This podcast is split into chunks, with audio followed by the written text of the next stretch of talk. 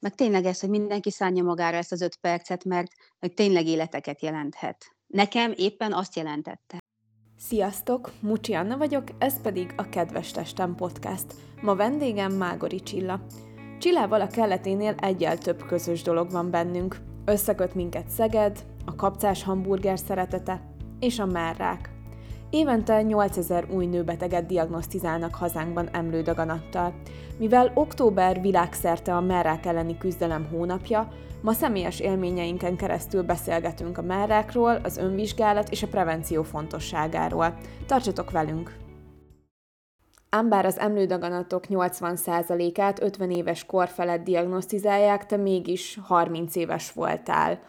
Hát nekem, mivel anyukám is ugye merrák túlélő, és én folyamatosan vizsgálom magam, minden hónapban mai napig, tavaly előtt, 19 januárjában, én este tusoltam, legnagyobb lelki nyugalommal, ugye tusfürdős kész, tehát nyilván jól csúszik a bőrödön, és hát megint ugye itt volt a hónap, hát akkor gondoltam, miért ne, így ciklus közeletével, akkor, akkor szintén elvégzem az önvizsgálatot, és a, a jobb mellem aljánál találtam egy, egy ilyen mogyorónyi kis csomót, és akárhányszor ugye újra megnéztem, meg megnéztem én is, vagy háromszor, négyszer, nyilván nem akartam elhinni, de akárhogy is néztem, az ugye végig ott volt. Ki tudja egyébként, hogyha nem végzed, akkor mikor fedezik fel? Vagy felfedezzük-e, igen. Esetleg következő nőgyógyászati vizsgálatnál, hogy a tapintás alapján. Másra nem is tudok gondolni, mert ugye nem jár az ember alapvetően 30 évesen ilyen vizsgálatokra. Hát igen, ez a szűrővizsgálat, ez a 45-65 éves kor közötti nőknek ajánlott két évente Magyarországon, hiszen a szűrővizsgálatnak az a célja, hogy a még panaszmentes, tünetmentes egyének közül kiszűrje a betegeket. És ez nálunk pontosan így történt. A nagymamám is már volt, ő önvizsgálattal fedezte fel, és neki kiújult a daganata. Ezért elmentünk mindenféle vizsgálatra, és anyukámnak már pont meg volt a behívója egy hónappal későbbre a rendszeres szűrésre. És lement megkérdezni, hogy hát ha már ma itt van, akkor esetleg megcsinálnák-e neki, hogy ne kelljen kétszer jönnie. Kiemelték őt a vizsgálaton, két hét múlva kellett visszamenni, akkor készült egy kontrollmammográfia, utána egy ultrahang, majd pedig egy ultrahang vezérelt biopszia, azaz szövettani mintavétel. Ez egyébként a protokollja az ilyen kiszűrt egyéneknek, tehát hogyha mi magunk találunk egy csomót, és azzal fordulunk orvoshoz, akkor is fog készülni mammográfia, ultrahang, és hogyha ott találnak elváltozást, akkor vesznek belőle majd szövettani mintát, amit aztán a patológiára küldenek nekem már vastag tűs mintavételem volt. Uh-huh. Egy rövid érzésnet, egy pici érzéstelenítő után levették a mintát, és azt küldték a patológiára, és amint megkapták az eredményt, vissza kellett menni, akkor bementem, és, és a doktornő rám nézett, én már tudtam, hogy, hogy jóra ne számítsak. És így közölte, igen, hogy sajnos nem jó indulatú az elváltozás. Én ott kimentem akkor anyuhoz a váróba, én ott, ott nagyon sírtam, hogy én ezt, ezt nem akarom elhinni, ezt nem is tudtam, hát ugye 30 évesen mindenre gondolsz, családalapítás, párkeresés, házasság, gyerekvállalás, de nem, nem gondolsz egy rákra. Aztán ugye akkor tovább mentünk az onkológushoz, aki nyilván a szövettamból kiindulva ugye egyből mondta is, hogy ez kemoterápia, és ez volt 19 februárjában már, hogy én az onkológusnál voltam, és én csak azért sírtam, mert tudtam, hogy nem lesz hajam, és így hogy lesz esküvő. Aztán végig lehalasztottuk, de, de nekem ez okozta ott a szívfájdalmat, mert igazából hogy azt mondod valakinek, hogy kemoterápia, tudja, hogy milyen mellékhatásai lehetnek, de, de nem tudod azt effektíve elképzelni, hogy ez ténylegesen benned mit okoz. Ugye mindenki másképp reagál a kezelésekre nyilván. És én innentől kezdve viszont egyszer se sírtam aztán, mert, mert nem is volt rá lehetőségem se, időm se, nem tudom, hogy te hány hetente vetted fel a kemoterápiát, de hát azért az be van írva előre, szinte minden alkalom, hogy mikor mi fog történni, kemoterápia rá egy hétre vérvétel, várod a kontrollmammográfiát, utána a műtét, aztán lesz-e utókezelés, tehát hogy azért ez egy nagyon szoros időbeosztást kíván, ami egyrészt fizikailag is megterhelő, másrészt ugye szociálisan, mert hát azért vannak olyan hetek, amikor annyira lecsökken a fehérvérsejt szintje, hogy nem mozdulhatsz ki a lakásból, annyira ö, érzékeny vagy a fertőzésekre, illetve hát lelkileg is, mert azért ez valahol a legnőiesebb szervünket támadja, közben elveszted a hajadat. Hát nekem a legnehezebb, én az első kezelésre még ilyen nagyon kis peckesen bevonultam. Hogy is kaptam? Azt hiszem, hogy fél tizenkettő körül, vagy dél körül kaptam. Én előtte azt hiszem 11 óráig dolgoztam. Anyukám eljött értem, és elmentünk ugye a klinikára, ott megkaptam az első kezelést. Nekem annyi, ebből annyi volt az első mellékhatásom, hogy aznap szédelektem, talán nem másnap, hanem harmadnap, tehát kezelés utáni második napra, hát ilyen minimális ilyen, ilyen émeigés, de inkább ilyen, mint egy mhm. gyomorontás, hát mintha rosszat tettél volna. És azt gondoltam, hogy ó, hát ez ennyi, ah, tök jó, simán fél lábon is kibírom. Aztán nyilván ugye, hogy telítődik a szervezet a kemoterápiával, azért ez így, így egyre nehezebb lesz. Hát igen, ezek a kemoterápiás szerek, ezek arra hivatottak, hogy a daganat sejteket elpusztítsák, viszont akarva akaratlanul vannak mellékhatásai, amikbe beletartozik az, hogy sajnos más sejteket is hát vagy elpusztítanak, vagy pedig csökkentik a termelődésüket, és ezért kontrollálni kell rendszeresen vérképpel, hogy éppen az adott paciens hogy van, hogyan reagál a kezelésekre, meg lehet-e kapni a következő dózist, vagy esetleg tolni kell rajta, kell-e változtatni a kemoterápiás szert, ez egy nagyon összetett dolog, és ebben nem is akarok nagyon belemenni. Egyrészt mert nem is értek hozzá, másrészt meg tényleg annyira egyénenként eltérő egy-egy terápiás folyamat, tehát az, hogy valaki milyen kezelést kap, az nyilvánvalóan függ a szövettani típustól, függ a kiterjedésétől a daganatnak, hogy milyen stádiumban van, és utána az adott terápiát mindig egy onkotím, egy orvosi csapat ö, határozza meg, Ebben benne van a patológus, a sebész, az onkológus és a radiológus. Ők éppen az aktuálisan legfrissebb guideline, tehát irányelvek szerint kiválasztják, hogy melyik terápiás lehetőség a páciensnek a legmegfelelőbb, majd pedig a beteggel közösen döntik el, hogy akkor milyen terápiába kezdenek bele. És én innentől kezdve mindig napra pontosan három hetente kaptam a kemót, ugye előtte való nap vérvétel, utána egy héttel vérvétel, és ennek adnom kellett fehér vérsejt növelő injekciót, meg véralvadásgátlót. Olyan jó eredményeim lettek, hogy nem is voltam, hál' Istennek, se szobafogság, tehát semmit nem kellett, mehettem ugyanúgy dolgozni. Te akkor nem mentél el táppénzre, hanem végigjártál dolgozni. Ha jól emlékszem, szerdán kaptam, vagy csütörtökön a kezelést, és én hétfőn a későbbiekben, azt mondom, hogy a harmadik után már csak kedden, de mentem dolgozni egy folytába nem is hagyta volna egyébként a család, hogy itthon üljek, mert, mert egyszerűen azt gondolták, és belátom utólag, hogy igazuk volt, hogyha nem hagyja el magát az ember, és nem adja föl a szokásos életét, sokkal-sokkal könnyebb. Nekem egyébként végtelenül támogató munkahelyem volt. Volt, hogy a kolléganőm vitt haza a fehér vérsejtnövelőt beadni, mert, mert nem lett jó az eredmény. Hívtam az orvost, és mondták, hogy akkor még most két napig adjam. Vagy nekem volt, hogy ki kellett mennem ugye vérvételre, akkor mint bementem fél hétre dolgozni, nyolcra kivitt a férjem a klinikára, levették a vért, fél kilencre már megint ben voltam az irodában. Tehát én, én maximális támogatást is kaptam munkahelyről is, meg a családból is, barátoktól is, úgyhogy azt gondolom, hogy így, így lelkileg könnyebb volt megélni, a hajam az, az nagyon frusztrált, azt elkezdtem nézegetni, hogy az első után tudod, hogy úgy beledúlsz, és marad a kezedbe. Mm-hmm. Nyilván egy ideig, tehát egy jó másfél hétig semmi nem történik, de én már beképzeltem, hogy ez a napi öt szál hajhullás, az már biztos az, akkor ugye benned van az, hogy hát ha az egy százalék vagy, akinek nem hullik ki a haja, de hogy nem. Mm.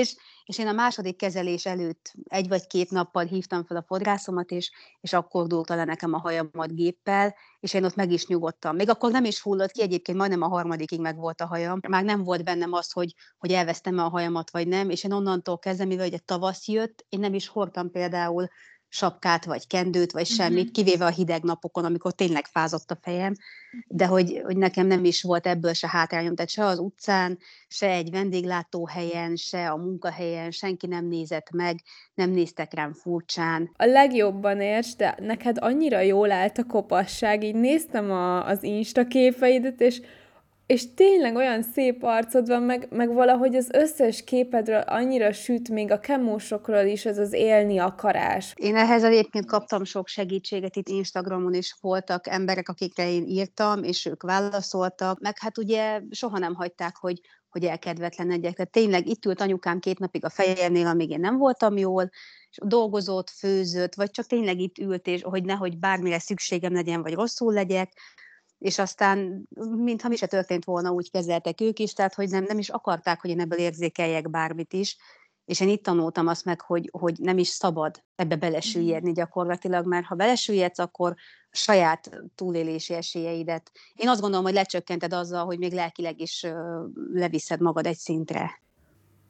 Az nagyon szuper, hogyha az ember mögött ott van egy ilyen támogató közeg, mert így sokkal könnyebb átvészelni nyilván a nehéz időszakokat is. Viszont én úgy tudom, hogy a legtöbb onkológiai osztályon rendelkezésre áll pszichoonkológus vagy pszichiáter, akivel lehet beszélgetni, esetleg csoportfoglalkozások, sorstársakkal, szakemberekkel, ahol meg tudjuk osztani, hogy éppen aktuálisan mi játszódik le a lelkünkben, mert hiába vagyok én egy csúcs szuper hozzátartozó, és teszem ki a lelkem, azért ez mégiscsak nem nekem a legmegterhelőbb.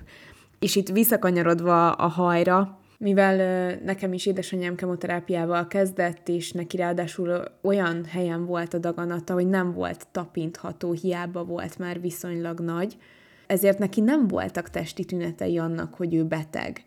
És, és egészen addig, amíg le nem vágtuk a haját, addig ez, ez olyan volt, mintha ő eljárna egy ambuláns kis terápiára. És amint levágtuk anya haját, akkor így, így, így rám zuhant az egész, hogy ez tényleg valóság, és ez velünk történik, és ez most történik, és mi ebben itt vagyunk.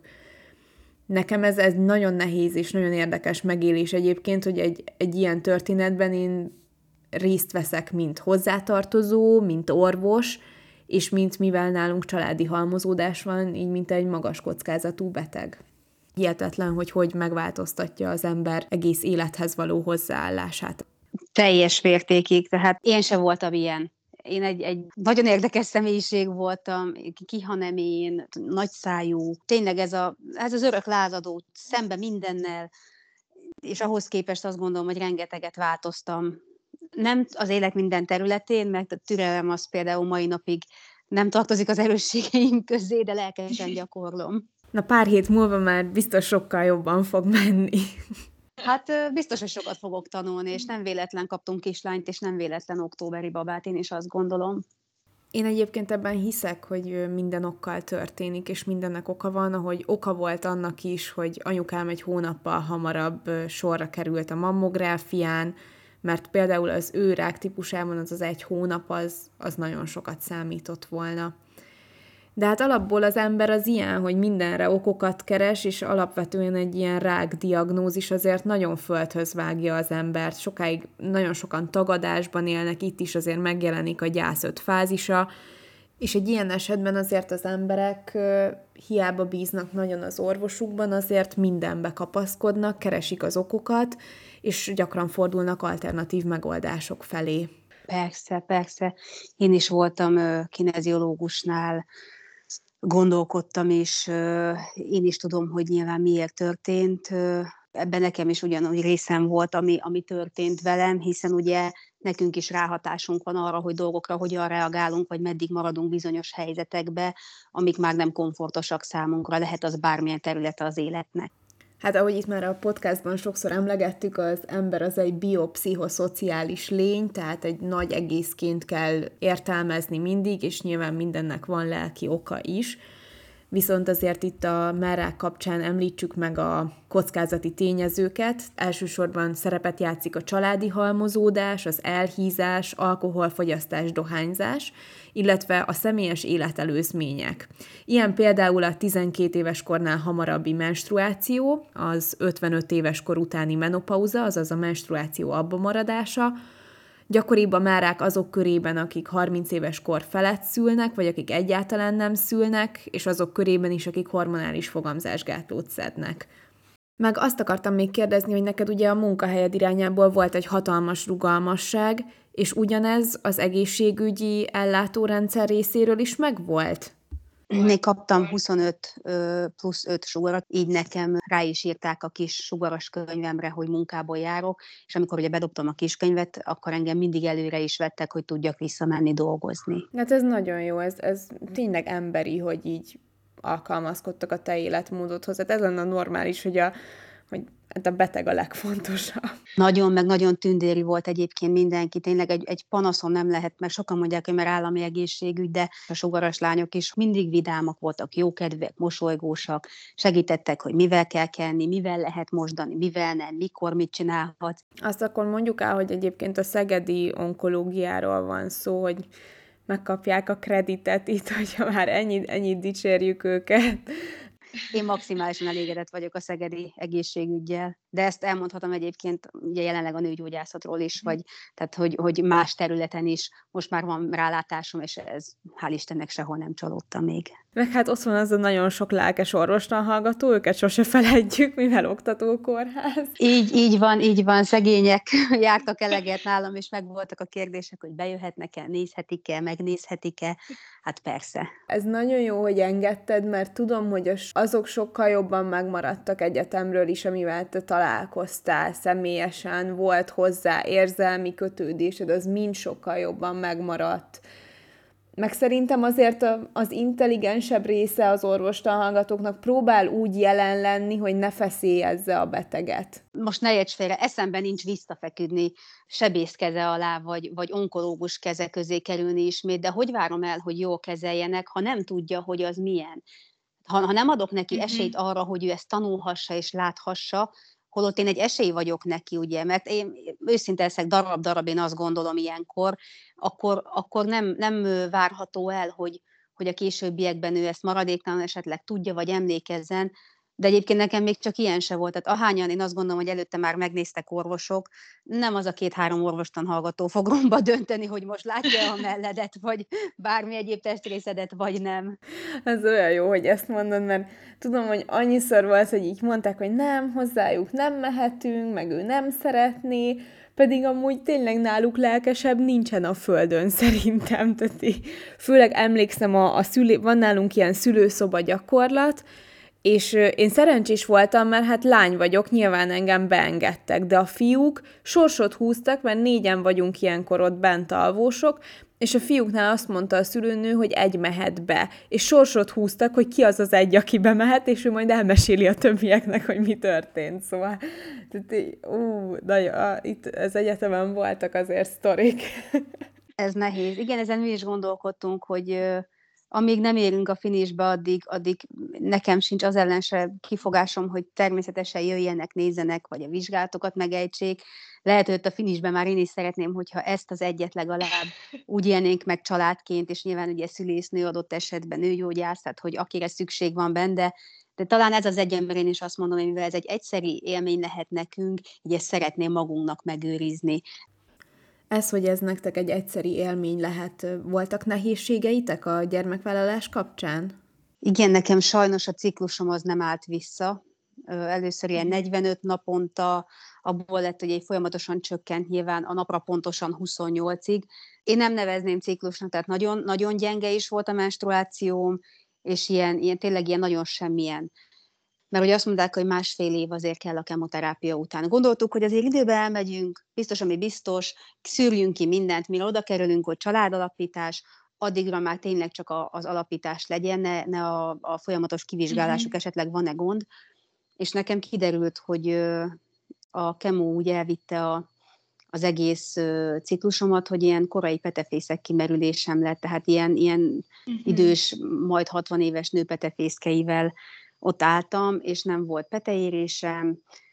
Én ott nagyon-nagyon kétségbe estem, mert nem gondoltam, ugye nekem azt mondták, hogy ó, hát ne, ne vetessünk le petesejtet, nincs rá szükség, mert fiatal vagyok, vissza fog állni a szervezetem, és sajnos egyébként több, akár nálam is fiatalabb nőt ismerek, aki, aki ugyanezzel küzd, és, és nem függ össze a kor alatt. Ismerek olyan majd 50 éves nőt, akinek visszaállt, vagy akinek újra lett ciklusa a változókor után már, ismerek olyan nálam jóval fiatalabbat, és akinek sajnos nem.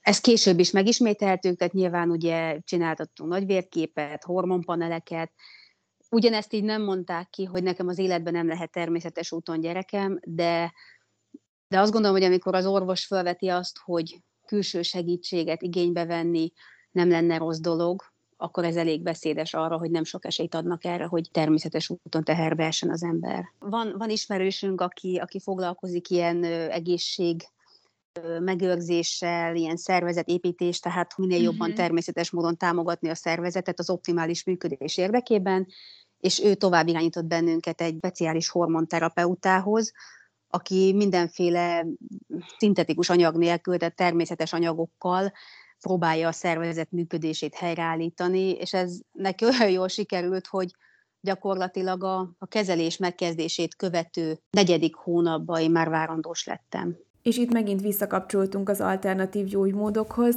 Viszont a szoptatással kapcsolatban lesz valamilyen megszorítás? A sebész azt mondta egyébként, hogy tudnék a műtött oldalon is, amit egyébként én is érzékelek, hiszen ugye hiába a kezelés, meg ugye tudjuk, hogy a, az izomszöveteknek annyira nem tesz jót, ugye a sugár nyilván kötöttebb lesz, de nekem a, a jobb mellem is arányosan nőtt a, a ballal együtt, tehát szerintem mhm. szoptatásra képes lennék, de nem tehetem, mert akkora nagy ösztrogén löket lenne, és nekem egy ösztrogén érzékeny daganatom volt, hogy nem merjük megkockáztatni, ezért elapasztják majd a tejemet a szülés után, ha és mhm. amennyiben lesz nyilván. Akkor ezek szerint neked nem egy teljes masztektómiád volt, tehát egy teljes emlőamputáció, hanem egy részleges műtéted.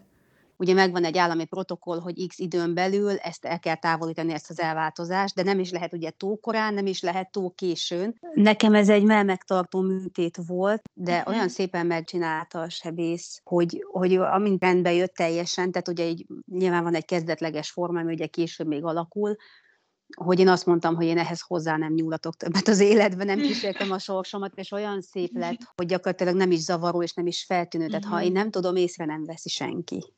Főleg általában az egyoldali melműtéteknél szokták ajánlani utána a protézis viselését, vagy a rekonstrukciós műtéteket, és ennek nem csak esztétikai oka van, hanem nyilván így a műtét után változik a gerincnek a terhelése ami járhat azzal, hogy változni fog a tartásunk, és az, annak az érdekében, hogy megőrizzük a jó tartást, érdemes a műtétet követően felkeresni például gyógytornást, vagy igénybe venni ezt a protézist, vagy rekonstrukciós műtétet.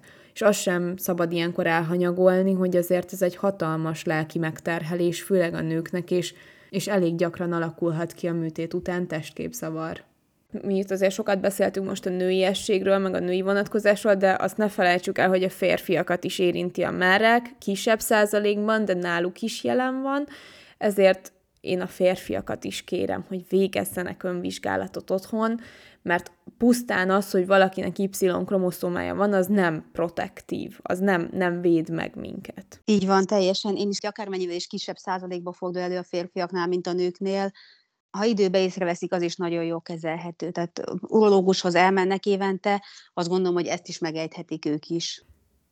És hogyha találunk valamit a mellünkben, akkor ne legyünk restek orvoshoz fordulni. Szóval mi a legrosszabb dolog, ami történhet, vagy mi az a két opció, ami történik, hogyha találunk valamit és elmegyünk orvoshoz? A. Korai felismerés, ez hatékonyabb kezelést is jelenthet, B. kiderül, hogy ez egy semmi. És igazából mind a kettővel sokkal előrébb vagyunk, mint hogyha hónapokig nézegetjük, és közben egy tízgulunk, hogy hú, hát vajon ez mi lehet. Arról nem is beszélve, hogy a daganatok fájdalmatlanok általában, és fájdalmatlanul növekednek. Tehát pusztán az, hogy valami nem fáj, még ne jelentse azt, hogy nem nézetjük meg. Én is azt gondolom, hogy egy 5 perces vizsgálat egy egész életért egyáltalán nem ár. Mert ugye sokan mondják, hogy nem merem megvizsgálni, mert, mert jaj, ha találok valamit, attól félek. De attól nem félünk, hogy belehalunk, ha, ha nem kezeljük időbe. Igen, meg szerintem itt nagyon fontos ennek a tabunak a levetkőzése is. Ez szintén megint egy orvos is történet, hogy valamelyik ilyen vagy igazságügy, vagy patológia gyakorlaton volt egy néni, egy idősebb, ilyen 80 fölötti, nagymamakorú és egy kifekélyesedő mádaganata volt. Idősek annyira szégyellik ezt, és annyira nem akarják megmutatni, hogy még a saját házi orvosuknak is van, hogy nem mondják el, hogy jaj, ott van valami, és ez nagyon fontos szerintem, hogy ezeket a tabukat levetkőzzük, merjenek az emberek elmenni, ha találnak valamit. Ne érezze cikinek, kellemetlennek, vagy bárminek, mert az egészség az semmilyen szempontból nem lehet ciki vagy kellemetlen azért választ az ember orvost, mert, mert bizalmat szavaz neki. Én például csak olyan orvosokhoz járok, aki előtt nekem egyáltalán nem kínos levetni bármilyen ruhadarabot, vagy, vagy egyáltalán nem kínos bármilyen vizsgálat. És ez most lehet egy, egy onkológus, lehet egy sebész, egy, egy emlődiagnosztikai vizsgálat, ez, ez lehet egy nőgyógyász, teljesen mindegy, hiszen ő azért van, hogy segítsen. Ez, ez, ez neki már végképp nem kínos, ő neki, nem tudom, lehet, hogy 30 éve ezeket az embereket, testrészeket nézi, ez egyáltalán nem kínos. Ez maximum nekünk új egy kicsit, meg nem vagyunk hozzászok, hogy idegen emberek előtt ruhadaraboktól megválunk. Annyira nagyon fontos, hogy legyen egy komfortos, bizalmi közeg, ahol meg lehet osztani őszintén, tehát ilyen triviális kérdések, hogy dohányzik, akkor igen vagy nem. Nincs értelme hazudni. Tehát előbb-utóbb úgy is kiderül minden, de sokkal könnyebb és sokkal gyorsabb a folyamat, ha őszinték vagyunk. Lehet hazudni, de nem az orvost verjük át, hanem a saját egészségünkkel játszunk. Hát a mai napon ismét a merráktól eljutottunk egészen az orvos-beteg kapcsolatig. Úgy látszik, hogy nem tudunk megmaradni egy témánál, és ha nem is csapongunk, de azért vándorol a gondolatmenetünk, ami viszont szuper, mert gondolkozásra ösztönöz minket, és reméljük, hogy titeket is. Csilla, van-e valami, amit szeretnél így take home message még elmondani, amit mindenki vigyen el magával a tarsójában a mai adásból? Annyit kérnék, hogy tényleg aki tud, az, az menjen el, és, és szűresse magát, ha más nem egy ultrahangra, az se nem fáj, se nem kellemetlen, maximum lelkileg kicsit kényelmetlen, de de hát most a fogorvosnak a szánkat kinyitjuk, akkor egy, egy melltartót levetni miért olyan nehéz dolog. Azt gondolom, hogy ez rutinná kellene, hogy az éves vizsgálat váljon, meg tényleg ez, hogy mindenki szánja magára ezt az öt percet, mert hogy tényleg életeket jelenthet. Nekem éppen azt jelentette. Hát akkor most búcsúzunk tőletek, köszi, hogy velünk voltatok ma is. Jövő héten tények, tévhitekkel jövünk Adrival. Tartsatok velünk akkor is. Sziasztok!